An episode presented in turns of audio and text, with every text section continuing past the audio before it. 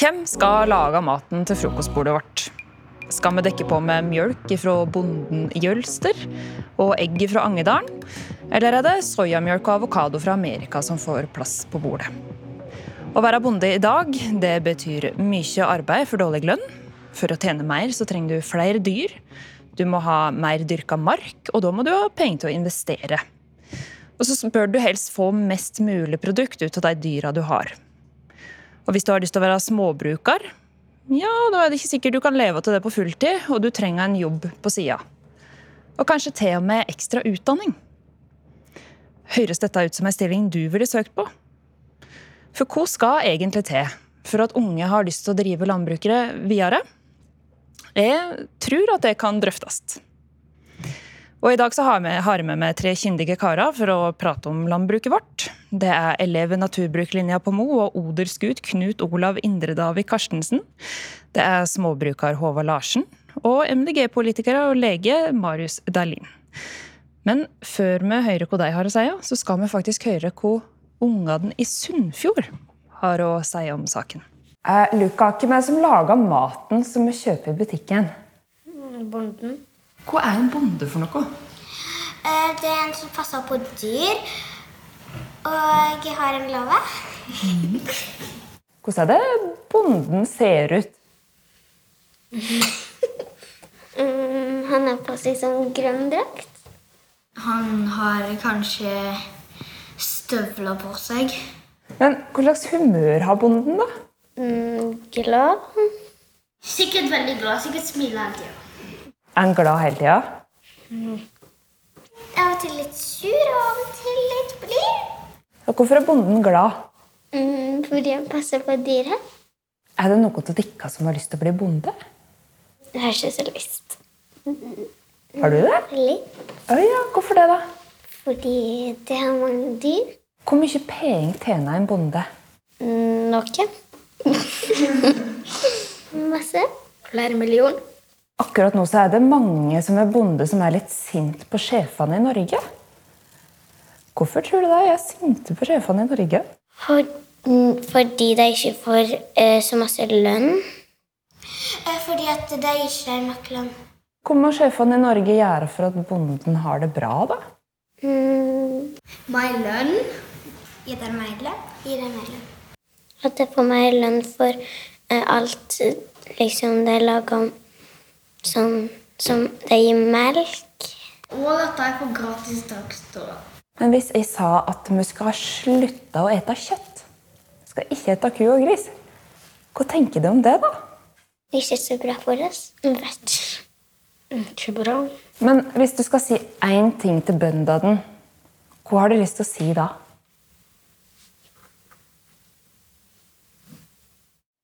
Knut Olav Indredavik Karstensen.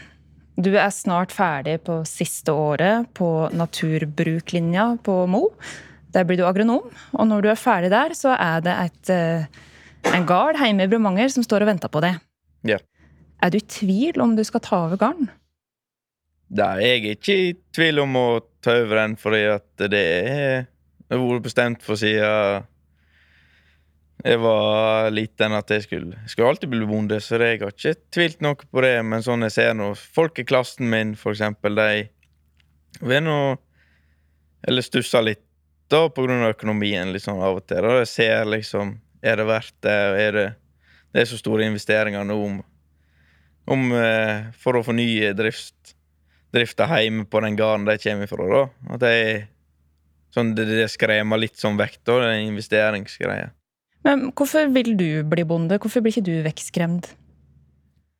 Nei Jeg er nå Jeg vil nå produsere maten til forbrukeren, og jeg vil nå holde bygda i hevd, og så ikke Så ikke Davik blir en granfelt, kan du si. For jeg eh, Ja. Så er jeg nå oppvokst Jeg er glad i å kjøre traktor, jeg er glad i å drive dyr, og jeg kunne ikke tenkt meg noe annet yrke å drive, egentlig. Men når du nå er ferdig eh, på Mo, blir du bonde på fulltid da? Nei, jeg eh, har så unge foreldre at jeg skal drive noen år til, og så skal jeg eh, skal ta utdanning som landbruksmekaniker da, for å spare utgifter når jeg tar over, og eventuelt ta ta på meg for naboer og sånt og skru, for det er såpass langt eh, forhandlere og verksted der oppe. da. Så det blir noe en liten biinntekt, da, men det blir ikke noe sånn stor inntekt. Det er noe hovedsakelig gården jeg skal leve av når jeg tar over. da. Mm. For du tenker ikke at du må ta ei ekstra utdanning for å, å kunne helt tatt satse på å være bonde? Nei, det er vel heller for å ha Å redusere kostnadene for, for å ha en traktor inn på verkstedet. Det koster mye, og så er det for å ha noe å gjøre i mellomtida, da. Sånn at jeg kan spare opp kapital til jeg skal ta over gården sjøl, da. Mm. For Håvard Larsen, du har nå drevet småbruk i fem år, og på gården din så har du 20 gammelnorsk spelsau, 80 høns, 12 kaniner og en katt. Men du, vi jobba jo på si. Ja, jeg har jobba eh, på si hele tida, og gården som jeg har, er ikke stor nok til at eh, jeg eh, kan drive den på fulltid. Og det har aldri vært min plan heller. Men hadde ikke jeg hatt Jeg har jo jobba som håndverker selvstendig nå i noen år. Og hadde ikke jeg hatt den jobben, så hadde jeg ikke hatt råd til å begynne som gårdbruker. For det er den som har finansiert alle innkjøpene. Ja, nettopp.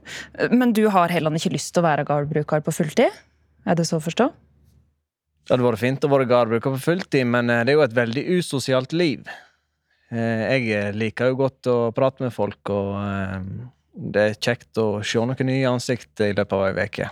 Nettopp. Men hvis noen andre der ute da, som driver like smått som du, har lyst til å gjøre det på fulltid, er det i det hele tatt mulig slik det er i dag? Nei. Det er det enkle svaret. Nettopp. Marius Dahlin, du er stortingskandidat for Miljøpartiet De Grønne i Sogn og Fjordane, og lege. Jeg har hørt rykter om at du henta møket som bøndene dumpa utafor rådhuset i Førde. Stemmer det? Og hva gjorde du med den møket? ja, det stemmer nok. Eh, den er brukt til gresskarene mine, det er i hvert fall mesteparten av den. Eh, Blanda med god kompost. Eh, og nå skal det bli herlige gresskar til, eh, til, høsten og vinteren. Siste gresskaret fra forrige sesong det ble nylig fortært. Det står vel forresten en liten rest av suppa i kjøleskapet enda. Eh, det er, det er veldig kjekt å dyrke sine egne grønnsaker, og det å ha masse organisk å tilføre, det er helt topp. Og jeg syns jo det var et morsomt pek til regjeringen å rydde opp i dritten etter, etter, etter dem. Og, Men vil det si at du er litt sånn hobbybonde sjøl? Jeg, absolutt med stor vekt på hobby, ja. Mm. Eh, jeg dyrker en del i min egen hage. Masse løkvekster, gresskar, og så blir det en del annet eh, smått, småttplukt. Skal bli litt beter og forskjellig i år, pluss at jeg er andelsbonde borte på Vie, da. Så jeg skal ikke skryte av å være ordentlig bonde, det er jeg ikke, men, men interesse for for å dyrke sjøl. Det har jeg absolutt. Og ikke minst et hjerte for landbruket, for jeg mener at det, det, er så mange viktige tjenester bøndene gjør utover å bare produsere en masse mat. Det, er, det, å være bonde er viktig av mange andre årsaker også, som vi sikkert får sjansen til å komme tilbake til. Ja, for det lurer på, Hva tenker du om fulltidsbonden trenger med det, eller kan alle bare dyrke sine egne grønnsaker i hagen og klare seg? Jeg mener vi trenger både fulltidsbonden, hobbybonden og, og deltidsbonden. Det er ikke, det ikke enten-eller. Det, bør, det ene bør ikke stå i noen motsetning til det andre. Eh, vi trenger alle sammen. Vi trenger, eh, vi trenger deltidsbonden bl.a. fordi vi trenger lys i husene ute på bygdene. Vi kan ikke få lys i alle husene uten at hvis alle skal være heltidsbønder, det kan ikke jeg se for meg. Eh, men heltidsbøndene syns nok det er kjekt å ha noen kolleger i nærheten også, som kanskje ikke driver like, like stort. Så jeg mener det bør være plass til alle, alle, alle gruppene. Men da må, altså, da må, vi tenke at noen må ta på seg å ha dobbelt arbeid. Ha en jobb og drive som bonde på si. Jeg vil jo si først at jeg syns det er viktig at vi hever lønna til bøndene. Eh, og det er veldig mange av de tingene som jeg mener er viktige for samfunnet at bondene gjør, som de må få mye bedre betalt for. Nå har vi denne volummodellen som legger veldig stor vekt på hvor mye du produserer, at det er det du skal ha betalt for. Jeg mener man skal også ha betalt for å ta vare på kulturlandskapet, f.eks. Bedre betalt for dyrevelferd, at man kan har tid til å ta seg godt av dyrene sine. Og sier ikke at ikke norske bønder gjør det, men det er klart at når de må løpe etter klokka hele tiden for å klare å produsere nok for i det hele tatt å ha, ha mat på bordet, ja, det er klart at da blir jo det blir ikke så mye tid som mange bønder helt sikkert gjerne ville hatt til dyra sine. Så, så klart vi må gjøre noe med hele modellen og tanken om at det er å produsere mest mulig det alt en skal ha betalt for, for det er veldig mye annet. Og må belønnes å også bruke egne norske ressurser som grunnlag for, for det landbruket en driver. Eh, det er klart at Å, å, å produsere kjøtt på norske ressurser, det syns vi er kjempeflott. Eh, vi syns ikke det er like flott når altfor mye av det er på, på soya fra Brasil. og sier dette vil jo variere fra bonde til bonde, selvfølgelig, hvordan dette er fordelt. Ja, for det skal vi prøve å komme litt tilbake til senere, forhåpentligvis. Men eh, vi skal prate litt om det nå, det med pengene til bøndene. fordi den siste tida har jo vært veldig prega av fortvila bønder som har storma til hovedstaden i traktoren sin, og gjort det helt klart at de ville ikke ta imot møkkatilbudet, som de kaller det, fra staten. De ba om 2,1 milliarder kroner, men de fikk litt under halvparten. Og de trenger jo penger fra statskassa for å holde oppe drifta. Men Knut Olav, hvem er det som skal betale det for at du skal være bonde i framtida? Nei, det er nå staten som eh, bør hjelpe til. Og med forbrukerne òg, som burde kjøpe mer norsk, norskprodusert mat. Ikke, ikke bare se kun på prisen, men se på kvaliteten. Da, og se rundt seg hva norsk landbruk gjør med Norge og holder bygdene åpne og alt sånt der. Det er noe Ja, og så er det noe kjedene, da, som òg burde ta Ikke ta, ha så stort gap imellom mellom prisen bonden får, og prisen som kommer ut i butikken. Mm. For er ikke det litt mye ansvar å legge på en forbruker å skulle velge om det skal ha tysk eller nok, norsk kjøtt i butikken? Burde ikke heller bare være mest norsk kjøtt? Lar det seg egentlig gjøre det hele tatt? Ja, det gjelder lar seg gjøre å og handle kun norsk kjøtt. Det er noe Men da er det noe igjen da er det noe produksjon som må opp igjen, og det må Ja, for at det Ja. Mm. Hvilke endringer mener du må til i landbrukspolitikken hvis du skal være bonde i framtida? Nei, det skulle gått an å dreve mindre, egentlig. Flere, eh, flere, og mindre bruk, egentlig. For du ser sånn så Da mamma tok over, da var det seks-sju melkebruk. Nå er det vi og en nabo som driver. Sånn når du ser noe Ja. Burde vært Det er feil retning det går, egentlig. Det burde vært sånn at det skulle vært fortsatt seks-sju melkeprodusenter, og det skulle gått an å leve av den drifta de hadde der og da, med en ti-tolv kyr og noe sauer. Det var sånn det skulle vært, ikke sånn at du må opp på en 30-40-60-70 melkekyr og en 100-500 sauer for å greie å leve av det. Men tenker du at penger fra staten er løsninger for at dette skal være mulig? Eller må bøndene tenke alternativt og kanskje dyrke grønnsaker? Noe må nå komme fra staten som idétilskudd. Sånn som eksempel det med kulturlandskapet. Da, at det skulle komme mer til å holde det åpent. Så ja. Egentlig. Og så det med grønnsaksdyrking, det bør nå hver bonde se på sjøl, da. Sånn som Jeg ser ikke for meg at jeg skal begynne med å dyrke grønnsaker annet enn til det vi gjør nå, så dyrker noe poteter til egen, egenproduksjon til sjøl. Fordi at jeg er oppvokst med å drive med dyr, og jeg er veldig glad i å drive med dyr. Og jeg kunne ikke tenkt meg å fare hele sommeren og luke i en grønnsaksåker. Jeg heller sitte i traktoren og slå gress, så jeg vet god kvalitet som dyra mine skal ha i løpet av vinteren. Så det å legge om til grønn grønnsaksdyrking, det er ikke lokkemiddel for det, altså? Nei, det er det ikke. Men Håvard, støtta du bondeopprøret? Ja, absolutt. Og det var på tide at det kom et bondeopprør. Eh, jeg har venta på det i lengre tid, og vi har jo sagt at eh, nå må det skje noe. Hvis det skal bli en endring i eh, hele strukturen på, på landbrukspolitikken. Eh, og vi håpte jo det skulle skje med, med, pandemien som kom. Men eh, da var eh, rett og slett fagorganisasjonene altfor bakpå, og godtok da eh, at vi ikke tok forhandlinger. Og det var jo eh, rett og slett ei krise, vil jeg påstå, for, eh, for oss bøndene. Men hvorfor står småbruker, altså Du er jo småbruker. Hvorfor står du i lag med storbøndene i jordbruksoppgjøret? Lønner det seg for dere? Nei, for vi må jo ha bønder over hele landet. Eh, og sånn som her, så vi er vi, Nå sitter vi i, på ei løe i, i Naustdal. Her er det bratte bakker og små teger. Og her er det eh, liten produksjon som eh, gjelder. Det går ikke an å drive stort her. Men så finnes det bønder eh, på Jæren og i Trøndelag og ned med, med, på Østlandet. De har store bøer, og de kan drive stort der. Sånn at vi trenger liksom hele alt ifra eh, hobbybonden på Vie og til den, den største produksjonen som vi har her i Norge. Men Et av punktene i bondeopprøret eh, det er at en skal tenke mer på de som skal inn i næringa, enn de som skal ut. Nå er jo du en relativt ung bonde, da. Men hadde du vært villig til å ofre noe for at Knut Olav her skulle ha en framtid i landbruket? Jeg mener ikke at det, det er ikke vi som bønder som skal ofre noe. Fordi at vi har ofra nok nå i flere generasjoner. Nå, det, nå, nå må vi få igjen noe for det som har vært ofra. Mm. Nettopp. Men Marius Dahlin, hvordan er det du stiller deg til bondeopprøret? Nei, Vi støtter det varmt, det må jeg si. Og det, ikke bare, det handler ikke om partipolitikk og valgflesk, faktisk. Dette har, går under radaren, for ingen er så interessert i vår landbrukspolitikk. Men, men, men, vi er jo glødende opptatt av at vi får en omstilling i landbruket, at det er de små og mellomstore brukene som skal prioriteres.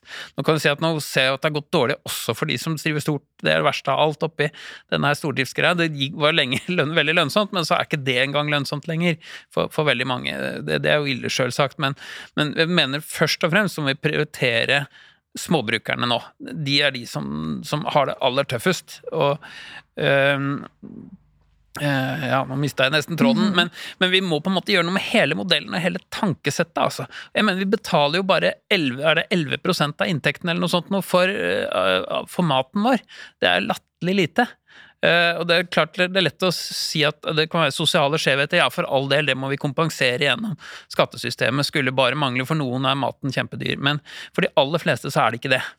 Vi betaler veldig lite, vi bruker veldig mye på mye annet.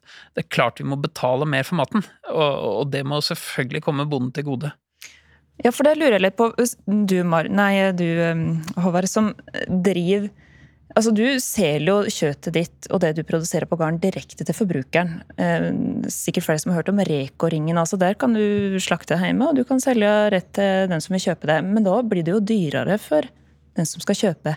Kunne alle drevet slik som du? Først må jeg rette deg litt. Det er ikke sånn at en kan slakte hjemme. Vi, eh, vi som eh, leverer direkte til, til produsentene, vi som de aller fleste av oss har en nisjeavtale med Nortura. Fordi at der har de veterinærer av Mattilsynet som godkjenner kjøttet, og eh, sånn at det blir, eh, går etter Mattilsynets retningslinjer. Eh, alle kunne ikke drevet sånn som jeg driver. Eh, fordi at For det første så er ikke det alle som eh, har ei selgerånd. Og det er ikke alle som har interesse av det. Og hvis at en skal både drive gard og jobbe som selger og markedsføringsansvarlig og eh, ja, det ene med det andre. Da, da blir fort eh, dagene korte, altså. Og det er de allerede. Mm, nettopp. Så et eh, type fritt marked det er ikke aktuelt. Men syns du samvirket, altså Tine og Nortura som skal passe på prisene i butikken, og syns du de gjør jobben sin? Nei, absolutt ikke. Jeg mener de er altfor eh, bakpå. Eh, samvirket fungerer ikke sånn som de en gang gjorde. Og det var ment for at bonden skulle slippe å gjøre den jobben med markedsføringa sjøl. Dette der viser jo igjen på det at vi har hatt eh, overskuddslager nå på uh, forskjellige ting, uh, ikke minst sau. Og nå ser vi nå når det er, nå når det er stengt ned, så blir det mer etterspørsel, og, og da, da ryker hele lageret. Vi hadde ja, da altså en eh, periode med altfor mye kjøtt, og nå er det kanskje pikka andre veien. Men Marius, ditt parti du vil jo halvere kjøttforbruket på sikt. hvordan er det å støtte bonden, da? Ja, det er et godt spørsmål. Nei, vi mener jo at vi må for det første produsere kjøtt på norske ressurser. Bare det i seg sjøl vil, gjøre vil gjøre en del med volumet vi har. Eh, og så mener vi med produsere mer frukt, bær og grønt. Det betyr jo ikke at alle skal slutte med kjøtt eller melk. Tvert imot. Altså, halvparten betyr jo at minst halvparten skal være igjen, og man skal få mye bedre betalt for det. Eh, vi mener jo som sagt at, at, forbrukerne betaler for lite, rett og slett. Eh, og, og uten, I tillegg til det så mener vi at vi kan sette av en større del for vi mener matsikkerheten med å produsere egen norsk mat på norske ressurser. Det er såpass viktig at det må samfunnet være villig til å betale for. Så ja, altså, det er jo ikke snakk om eh, Du kan si at hvis vi produserer mer frukt, bær og grønt, så betyr det jo også at vi produserer mye mer menneskemat per arealenhet, og det er også flere arbeidstimer for bonden per arealenhet. Altså vi får på, på, på samme jordet så får, får, vi mer arbeid og mer verdiskaping både for bonden og for andre. Jeg sier ikke at det er enkelt å legge om for alle, og alle skal ikke legge om. Vi skal ikke bestemme hvem som skal legge om. Det skulle bare mangle. Vil du drive med melk og, og kjøttproduksjon, for all del, fortsett med det. Det er jo ikke det det handler om. Men, Men hvordan skal du nå klimamåla da? Sånn som Knut Olav her, han har jo ikke lyst til å drive med grønnsaker. Hvis vi bare da sier at ingen behøver å legge om med mindre de har lyst, hvordan skal vi da nå klimamåla våre, som MDG er opptatt av? Ja, veldig godt spørsmål. Og vi har ikke alle svarene på det, akkurat hvordan vi skal løse det. Vi har en målsetting, og den eh, mener vi at vi, vi skal jobbe mot. Eh, jeg tenker jo blant annet å se på eh, pris er absolutt en ting, og når, jeg, tenker, at kjøtt, kjøttprisen må opp, og det er dels for at vi skal få volumet litt ned, men også for at vi skal ha mer å betale til bonden. Dette skal ikke være noe som staten skal sko seg på. Dette skal jo tilbake til bøndene. Sånn at eh, for, Som sagt, det, er jo latterlig hva vi kan, se dumpingpriser på kjøtt innimellom. Det er jo helt det er ille å se hvor lite et dyreliv er verdt, altså når du skal kjøpe det til nesten ingenting i butikken innimellom. Så så må jeg bare legge til at Slik jeg har forstått det, så er det begrensa hvor høy prisen på kjøtt kan være. Fordi Norge har en import-eksport eksportavtale, og vi må altså importere litt kjøtt og litt andre varer. Så hvis det blir det billigste kjøttet, så vil jo jeg som forbruker eh, kjøpe det tyske kjøttet, da. Så dermed så er det litt vanskelig å bare la kjøttprisen skyte i været. Hva tenker du? Nei, det, det er sant og usant. Ikke, det, vi er veldig vi er sterkt for tollvernet, det må jeg bare si aller først. Vi vil bruke det så langt som det går. Eh, det mener vi er riktig politikk. Eh, men er no, nå er det jo halv moms på all mat. Det ser jeg ikke noe spesiell god grunn til, egentlig. Hvorfor ikke si full moms på kjøttet? Og det er ikke for at staten skal sko seg, eller for å straffe bøndene, men for at vi nettopp har mer penger til å gi ut igjen. Forbrukerne må faktisk være villige til å betale mer for kjøttet. Og det skal selvfølgelig det skal bonden tjene på. Mm. Eh, for 20 år siden så var det 68 000 gardsbruk i Norge. I dag er det bare 38 000. Og tall fra SSB det viser at i 2016 så ble det lagt ned 2,6 gardsbruk hver eneste dag. Knut Olav, hva tenker du om framtida di når du hører dette her? Nei, det er noe trasig å høre det, da. At det forsvinner to bruk per dag i snitt i Norge. Det blir noe dårlig for de, miljøet for de som sitter igjen, da. At uh, vi blir sittende igjen så ikke kan få aleine i hver bygd. Da er nå faren for at det kan skje, da. Mm. Og uh, at Uh, for hva er det som er viktig for det når du skal være bonde i framtida nå? Eh, tenk om du da blir den eneste bonden i bygda. Var det du skulle ønske at du hadde rundt det da? Nei, det er noen andre bønder og kollegaer som jeg kan ha eksempel møte i bondelag med, og har samles treffer på butikken og veksle erfaringer. da. Det er noe det jeg har sett fram til når jeg så da jeg var liten, at det var mange bønder som drev. Og det så jeg for meg at masse sånn Ja, investere i maskinlag, dele maskiner. Men så ser jeg nå at nå er det så få bønder at uh, vi må gjøre alle investeringer sjøl, og det blir et mindre og mindre miljø. miljø da. Halv, nesten halvparten av de som er med i bondelaget hjemme, det er noe nedlagde bønder som er med for det sosiale. Og det er noe bra, det òg. Men uh, ja, det var vært kjekkere hvis det var flere som drev, da, egentlig. Håvard, er det ensomt å være bonde? Ja, det vil jeg påstå. Jeg har snakka med mange bønder nå, spesielt etter at eh, korona kom. Så sier de at de er veldig ensomme. Fordi at nå har eh, mange ting stengt ned, og de har ikke noe sosialt å, å se fram til. og før, så han sier, så var jeg på bondelagsmøte. Nå er det ikke noe bondelagsmøte. Nå er det gjerne på, eh, på Teams eller på andre digitale løsninger. Og da var det gjerne den eneste plassen en traff folk. Og når det blir tatt vekk òg, da er det jammen ikke mye igjen. nå. og det er grunnen til at jeg òg skifter beite nå. Nå har jo jeg begynt på sykehuset i syketransporten. Og det var fordi at jeg jobba som selvstendig håndverker og var hjemme på gården og bor alene på gården. Og det ble rett og slett litt ensomt. Mm. Men hvis vi skal få flere bønder, altså Hvor har vi å lokke med, da? Hva skal vi gjøre for at flere skal drive med landbruk? Nei, altså det er penger som rår. Så enkelt er det. Det er på alt her i samfunnet. En må få betalt for det en driver med, og det må være velferdsordninger på lik linje med en annen jobb. Så hvis en skal få flere bønder, så må forutsetningene ligge til grunn for det. Det må være et handlingsrom hvis du har lyst til å satse. Og ja. Men, men kan hvem som helst bli bonde? La oss si det er en byfant som drømmer om småbruk på bygda. Let det seg gjøre hvis han bare sier her er pengene, du kan få dette småbruket. Går det da an at hvem som helst kan drive? Det er jo en gang sånn at uh, en må ha en viss kunnskap hvis en skal drive med noe. Det er ikke sånn at hvis jeg hadde fått lønna til, til Marius, så kunne jeg blitt lege. Så det, det, det, blir egentlig litt det samme. Du må ha en kunnskap i bunnen for å drive med det. For det er ganske komplekst da å være bonde. Du skal vite gan ganske mange forskjellige ting. Du skal gjerne kunne skru, og du skal uh, vite litt om uh, sykdommer på dyra dine, og hvordan jorda skal best håndteres. det er veldig mange ting. Mm. Hva tenker du, Marius Dahlin, er kunnskapsformidling er det nøkkelen til å lokke til seg unge bønder?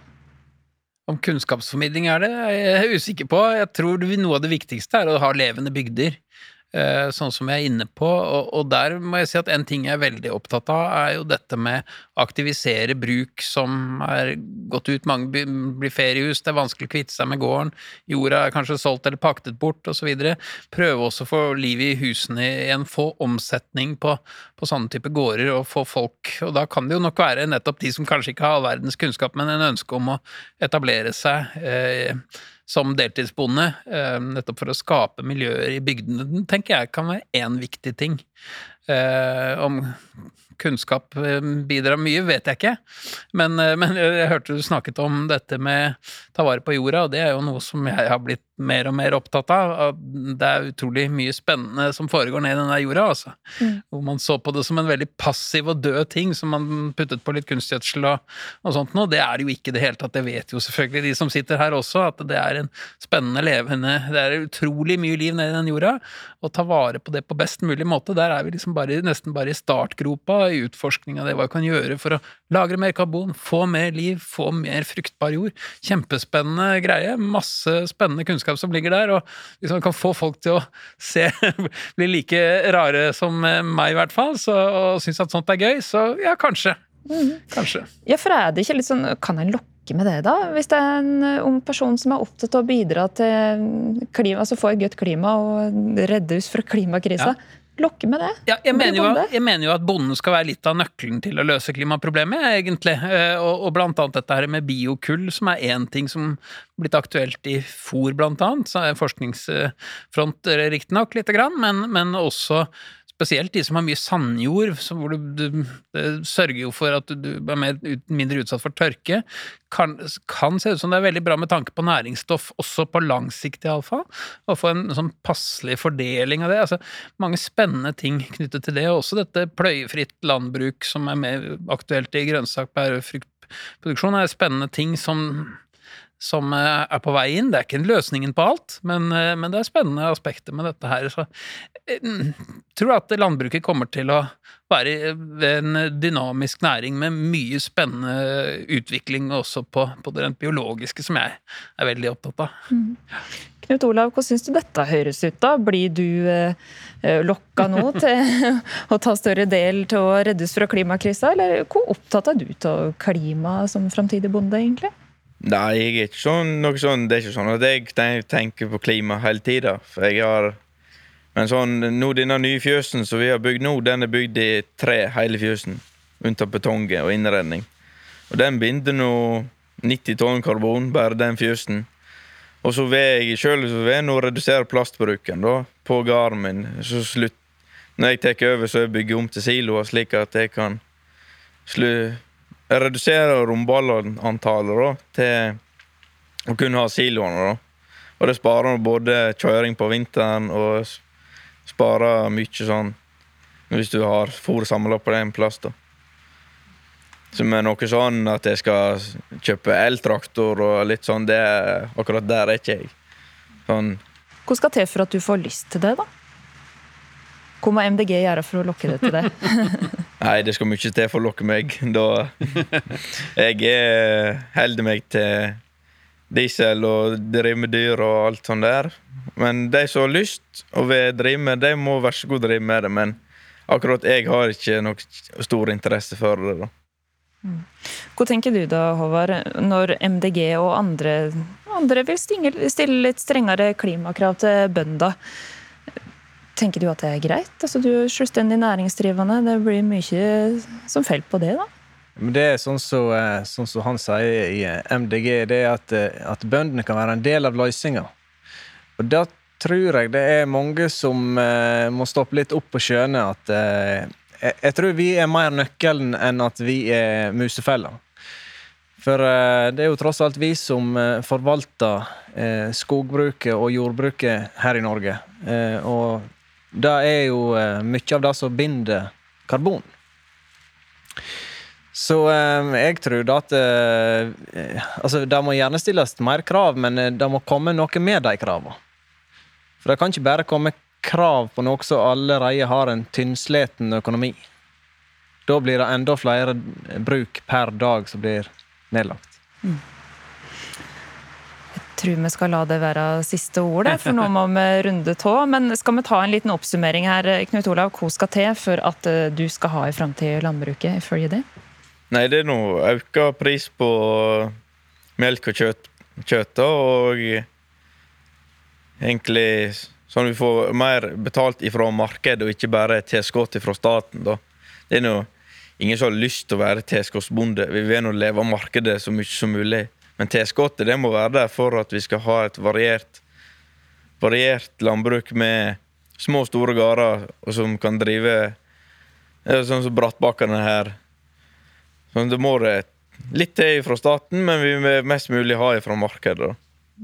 Hva tenker du, da? Hva eh, skal til for at unge har en framtid i landbruket?